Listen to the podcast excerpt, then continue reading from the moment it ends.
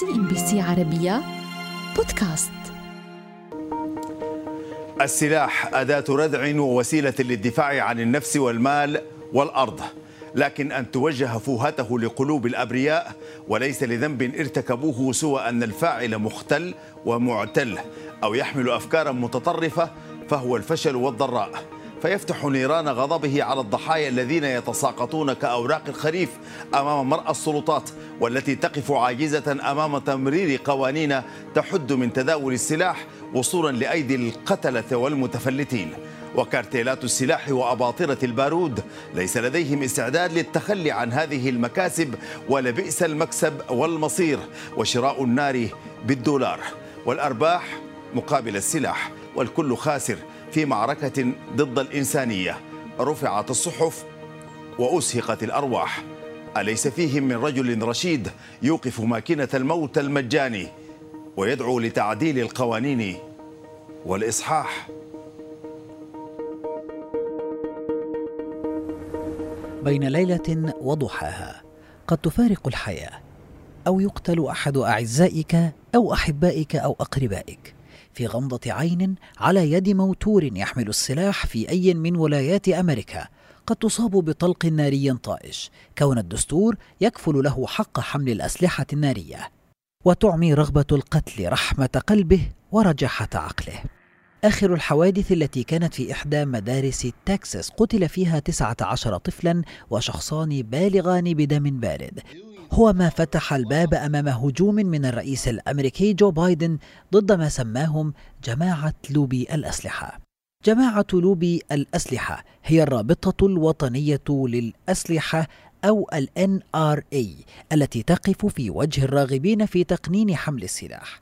تعد هذه الرابطة واحدة من أقوى مجموعات الضغط ذات المصالح الخاصة في الولايات المتحدة، ولديها ميزانية كبيرة للتأثير على أعضاء الكونغرس بشأن سياسة الأسلحة، حيث أنفقت في عام 2020 وحده حوالي 250 مليون دولار، كما تنفق سنويا ثلاثة ملايين دولار للتأثير على سياسة الأسلحة. سهولة إيجاد السلاح في أيدي الجميع أدت إلى 274 حادثة إطلاق نار جماعي منذ عام 2009 وارتفعت مساهمة صناعة السلاح في الناتج المحلي الأمريكي من 19 مليار دولار في عام 2008 إلى 63.5 مليار دولار في عام 2019 ويبقى أصحاب المصالح يضغطون على المشرعين في أمريكا. وتبقى أيادي ذوي الضحايا مكبلة سوى عن وضع الورود على قبورهم أو نعيهم على الجدران وتقبل التعازي.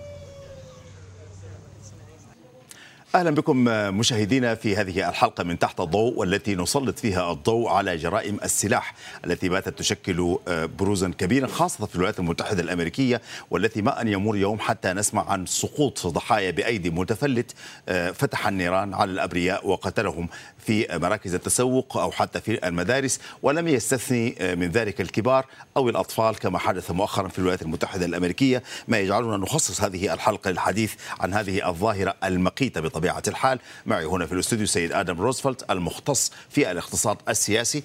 أهلا وسهلا بك معنا سيد آدم. ويعني أنت تعلم وتتابع الأحداث الدامية التي تحدث خاصة في الولايات المتحدة الأمريكية في الفترة الأخيرة جراء هذه الهجمات عن طريق الأسلحة. هل أمريكا استثناء من العالم بمعنى أن فيها براحات أكبر لامتلاك السلاح بالقانون؟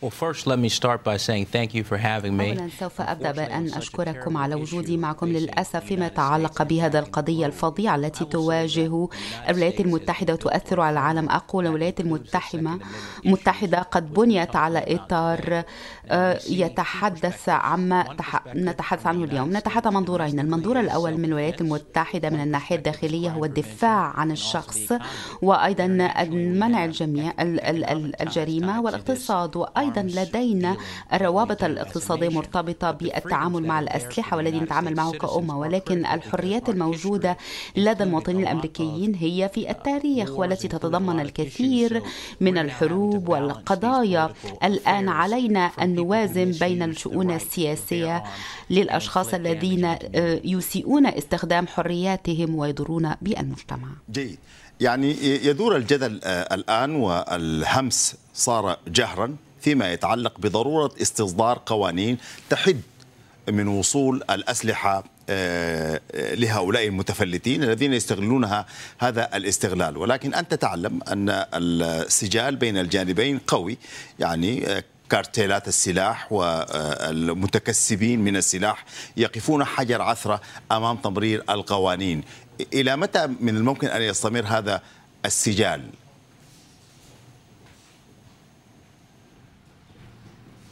Well, first, let me say that دعني أقول أن هذا الجانب الاقتصادي من المناقشة سيكون صعبا. نحن نتحدث عن هذا الأمر من الناحية السياسية ولكن كيف يمكننا أن نأخذ 390 مليون سلاحا من منازل الأمريكيين نرى لوبي مثل آه، جمعية الأسلحة الوطنية والتي تعد قوية في الولايات المتحدة. ونرى أيضا الحزب الديمقراطي الذي ضد حقوق الأسلحة بعد ما حدث في تكساس وبعد ما حدث في ساندي هوك منذ عشر سنوات. بعد ما حدث سوف نشهد آه، بيئة مختلفة في الولايات المتحدة سياسيا والحزبين الديمقراطي والجمهوري. سوف يدعمان ويحميان وضعهما السلع الخاص بالسياسة. ولا أعتقد أن آه، أن أخذ الأسلحة هو الذي سيحل الأمر ولكن أعتقد أن الأمر سوف يتم حله في الكونغرس الأمريكي وليس خارجه. جيد. آه، من الصعوبة بمكان إذا القضاء على هذا الأمر هكذا بين ليلة وضحاها. لكن هل آه، ولزيادة هذه الهجمات في الفترة الأخيرة واستهدافها حتى الأطفال كما حدث في الحادث المأساوي في إحدى المدارس الابتدائية هل من الممكن أن نرى قوانين تحاول أن تحد آه، يعني إلى حد ما أو تضيق الخناق على وصول الأسلحة لمتفلتين باستصدار ربما بيانات آه، أخلاقية وسجل جنائي عمن يشتري السلاح إلى غيرها من هذه الحلول.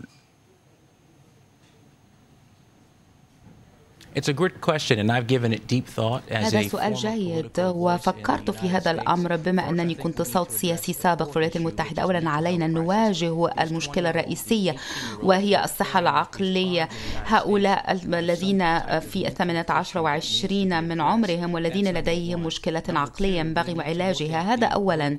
ثانيا ينبغي أن ننظر إلى الوضع السياسي في الولايات المتحدة بإجماله آه، مثل الأحزاب الديمقراطية التي التي آه، لا تدعم الشرطة بسبب هذه الجهود الشرطية ويمكن أن نعيد ذلك إلى ما يطلقون عليه أن هناك ضابط موارد والذي يحمي هؤلاء الأطفال والاستجابة هي بطيئة أو بعد ساعة إذا علينا أن ننظر إلى الصحة العقلية وتمويل الشرطة وأن يكون هناك مزيد من الضباط في مواقع المدارس وعلينا أن نحمي المدارس بالتكنولوجيا وذلك فيما يتعلق بالولوج إلى المدارس هذا ما يمكن نقوم به اليوم للتأكد من أننا نتجه في الاتجاه الإيجابي. آه، إلى أي مدى المواطن الأمريكي آه، سيد آدم والذي آه، يعني وعى في الدنيا ووجد أن هذه القوانين موجودة وتدعمه هو نفسه يعني قد لا يتصور أنه يكون بعيد عن هكذا قوانين وأنه اعتاد على هذه المسألة بغض النظر عن تداعياتها ونتائجها.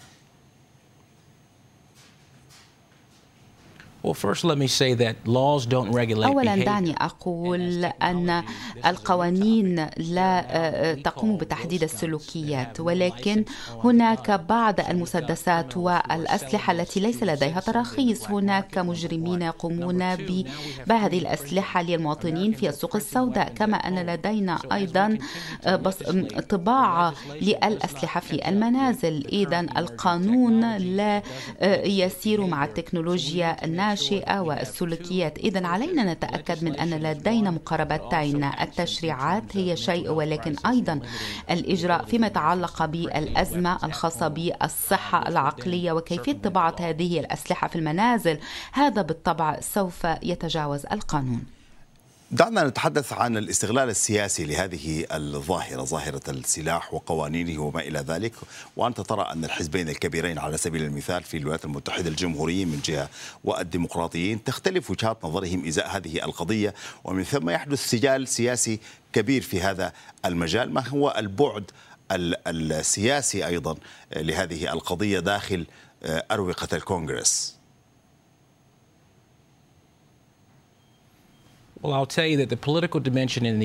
سوف أقول لك أن البعد السياسي في الولايات المتحدة والكونغرس الأمريكي هو موقفين متطرفين كل الحزبين ينتظران آه، حادثة حتى يكون هناك استغلال للوضع الخاص بالأمر وهناك انتظار لهذه الأحداث عندما يحدث ذلك في تكساس لا, يوج... لا, ي... لا يمكننا أن نقول أنه يمكن أن نحد الولوج إلى الأسفل الأسلحة وأن ننظر إلى البشر ولكن هكذا ما نرى السياسيين في الكونغرس الأمريكي أكثر سياسية عن العاطفية وهذا ما ينبغي وأن نبدأ به في البداية.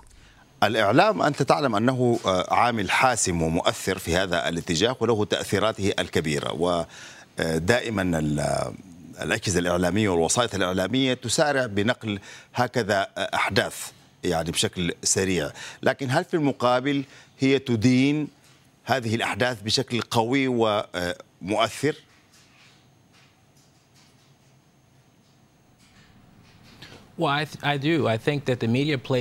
أنا أعتقد ذلك. أعتقد أن الإعلام يلعب دورا كبيرا في صياغة الوضع العقلي للعالم.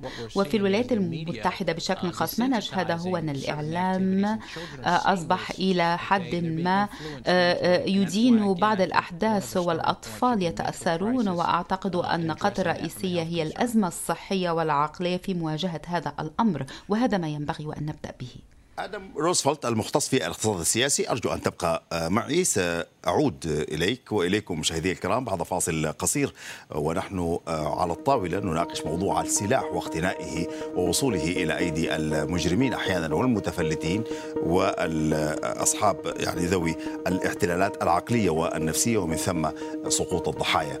بعد فاصل قصير في هذا البرنامج من CNBC عربي.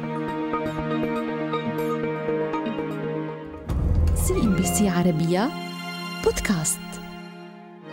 أهلا بكم من جديد في تحت الضوء ونحن نفتح ملف الأسلحة والسلاح ووصوله إلى أيدي المواطنين بحكم القانون في الولايات المتحدة الأمريكية ومن ثم التداعيات المؤسفة التي تحدث بين الفين والأخرى وحوادث إطلاق النار أرحب من جديد بضيفي هنا في الاستوديو سيد آدم روزفلت المختص في الاقتصاد السياسي.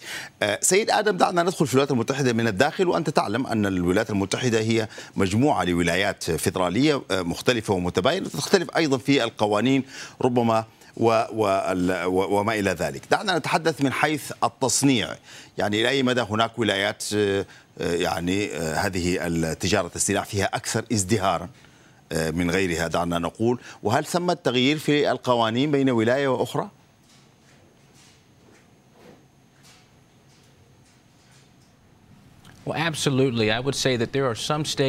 قطعا يمكنني أن أقول أن هناك بعض الولايات المعروفة على أنها آه، طبعا ولايات للأسلحة مثل تكساس إذا المواطن آه، بما أنه يمتلك الأسلحة هذا جزء من الميراث أو من التاريخ وفيما يتعلق بالقوانين حسب الولاية. نعم كل ولاية لديها حاكم ولديها قوانين ولديها ما يطلق عليه آه، قانون إضافي بالنسبة للقانون القانون الفيدرالي وكيف يمكن أن يكون هناك ولوج لكل سلاح؟ كل ولاية مستقلة ولكن هناك قانون فيدرالي بين الخمسين ولاية. أه، بعد الحادثة الأخيرة التي أثارت كثير من الجدل وأثارت كثير من الرواج في العالم وهي قتل الأطفال الأبرياء الذي حرك مشاعر أه، كل الناس أه، ظهرت هناك ربما بوادر لحلول دفاعية بمعنى أن تكون المدارس أيضا لديها تأمينات آه، ضد هكذا هجمات. يعني هل هذه الحلول في آه، تقديرك آه، هي حلول من الممكن أن تسهم في احتواء هذه الظاهرة أم أن المسألة تحتاج إلى حل أكبر للمسألة برمتها؟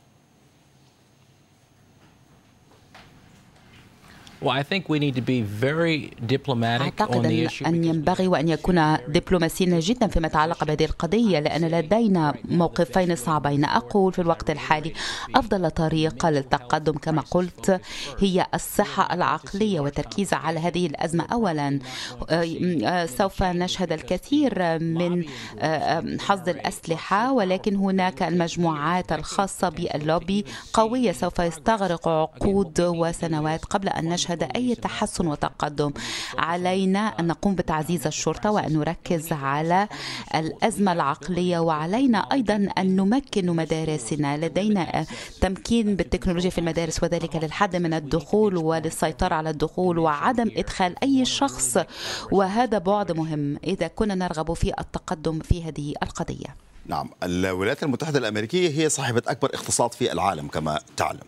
وبالتالي هي أيضا في سوق السلاح تتصدر المشاهد المتقدمة في العالم وصناعة السلاح على مستوى الحروب والسلاح الخارجي هو أيضا يعني يشكل نقاط دعم كبيره للشركات الكبرى التي تصنع مارتن لوكي وغيرها من من هذه الشركات. لكن على مستوى الأسلحة الخفيفة التي تستخدم في الداخل إلى أي مدى؟ يعني أيضا هذا السوق هو سوق مزدهر وسوق كبير وعريض في تقديرك يلبي حاجيات من يقوم بتصنيعه وتبنيه.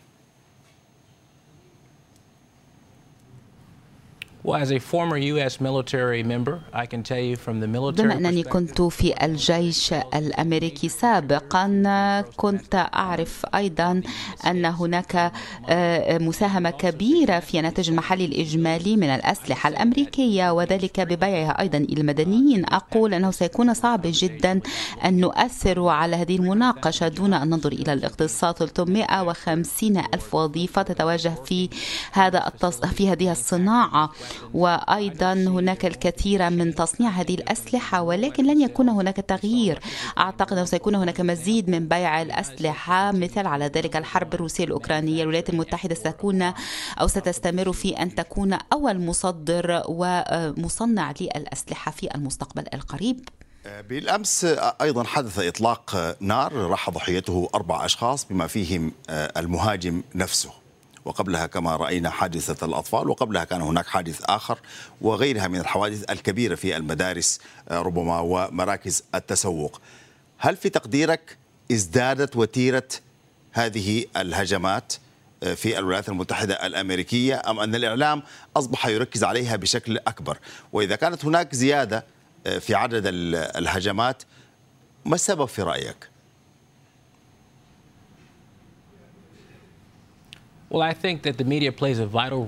أعتقد أن الإعلام يلعب دورا حيويا في التأثير على الشعب الأمريكي وعلى العالم.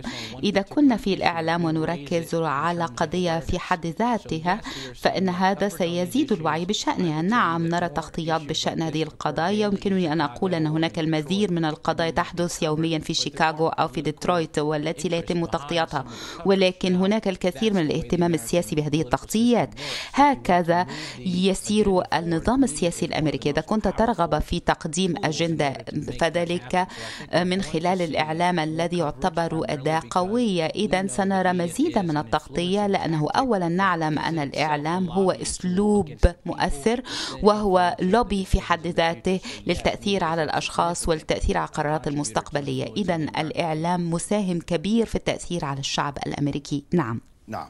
يعني إلى أي مدى مسألة السلاح في أمريكا وإمكانية الحصول عليه وفق القانون هي تحرج الولايات المتحدة بشكل أو بآخر يعني أمام العالم في دول تحاول بقدر الإمكان يعني أن تصدر من القوانين ما يكفل عدم وصول السلاح لأي شخص وبالتالي استغلاله بهذا الشكل خاصة في عالم يعني تكثر فيه التخوفات خاصة الأمريكية من الإرهاب على سبيل المثال.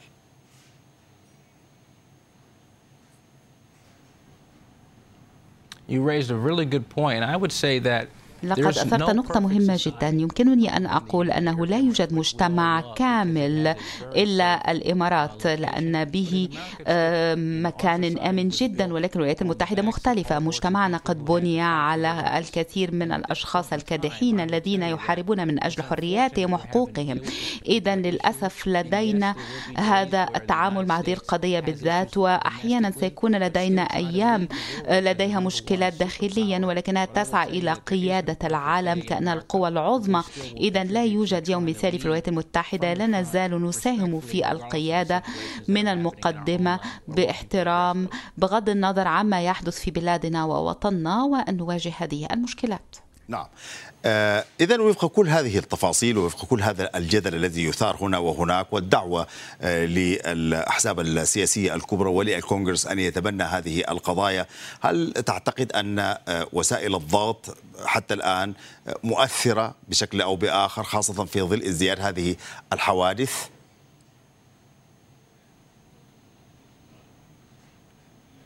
أعتقد أن الحوادث سوف تعزز موقف بعض الأحزاب على سبيل المثال فإن هناك موقف دفاعي وهي الرابطة الوطنية للأسلحة والتي تستمر في موقفها الدفاعي لأن كل حدث وحادثة سوف يجادل حد من الأسلحة وزيادة الفحص والكشف والتفتيش. إذا هذا يضعها في موقف دفاعي. أقول أنه لن يكون هناك أمر انحيادي لأنه سيكون دائما عنف بالأسلحة سيكون دائما هناك جريمة مرتبطة بالأسلحة. إذا أعتقد أنه سيكون هناك حرب خلال العقد القادم ولكن لدينا هذه الحرب منذ عقد فيما يتعلق بزيادة الأسلحة أم لا في الولايات المتحدة بشكل خاص. نعم. إذا يعني أنت تعلم أن الجمهوريين يعني يقال بأنهم بشكل أو بآخر يدعم هذا الاتجاه فيما يتعلق بعدم وجود قوانين تحد من امتلاك الأسلحة الديمقراطيين في المقابل على النقيض من هذه الفكرة. يعني إلى أي مدى هذه الموازنة السياسية هي التي ستحدد مستقبل السلاح واقتنائه في أمريكا؟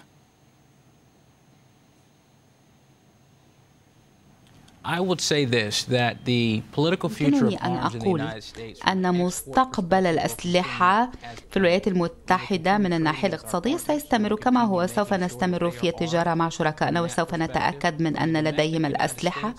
ومن الناحية الداخلية في الولايات المتحدة سيكون لدينا مناقشة جدية وسيكون هناك الكثير من الحرب السياسية حول هذه القضية. ولكن لا أعتقد أن هذا سيتغير كثيرا لأن الطرفين كبار وأقوياء ولن نرى تقدما الكونغرس عليه أن يوافقوا بالإجماع أو بالأغلبية على الأقل أن لن نرى ديمقراطيين وجمهوريين يوافقون على شيء لا يوافقون عليها. ولكن علينا أن نواجه الأمر وأتأكد أننا سوف نحارب هذا الأمر بين أنفسنا لبعض الوقت. أنا أشكرك. آدم روزفلت. المختص في الاقتصاد السياسي على كل هذه الإفادات المهمة في هذا الموضوع الشائك والمعقد والمهم بطبيعة الحال شكرا جزيلا لك My pleasure. وشكرا لكم مشاهدي الأفاضل على طيب المتابعة لهذه الحلقة من تحت الضوء التي خصصناها للسلاح ووصوله إلى الجميع في الولايات المتحدة بحكم القانون ومن ثم استغلاله استغلالا سيئا لدى البعض ووقوع ضحايا أبرياء في الطرقات والساحات. أشكر طيب متابعتكم نتمنى دائما الأمن والأمان والصحة والعافية للجميع. إلى اللقاء. CNBC عربية بودكاست.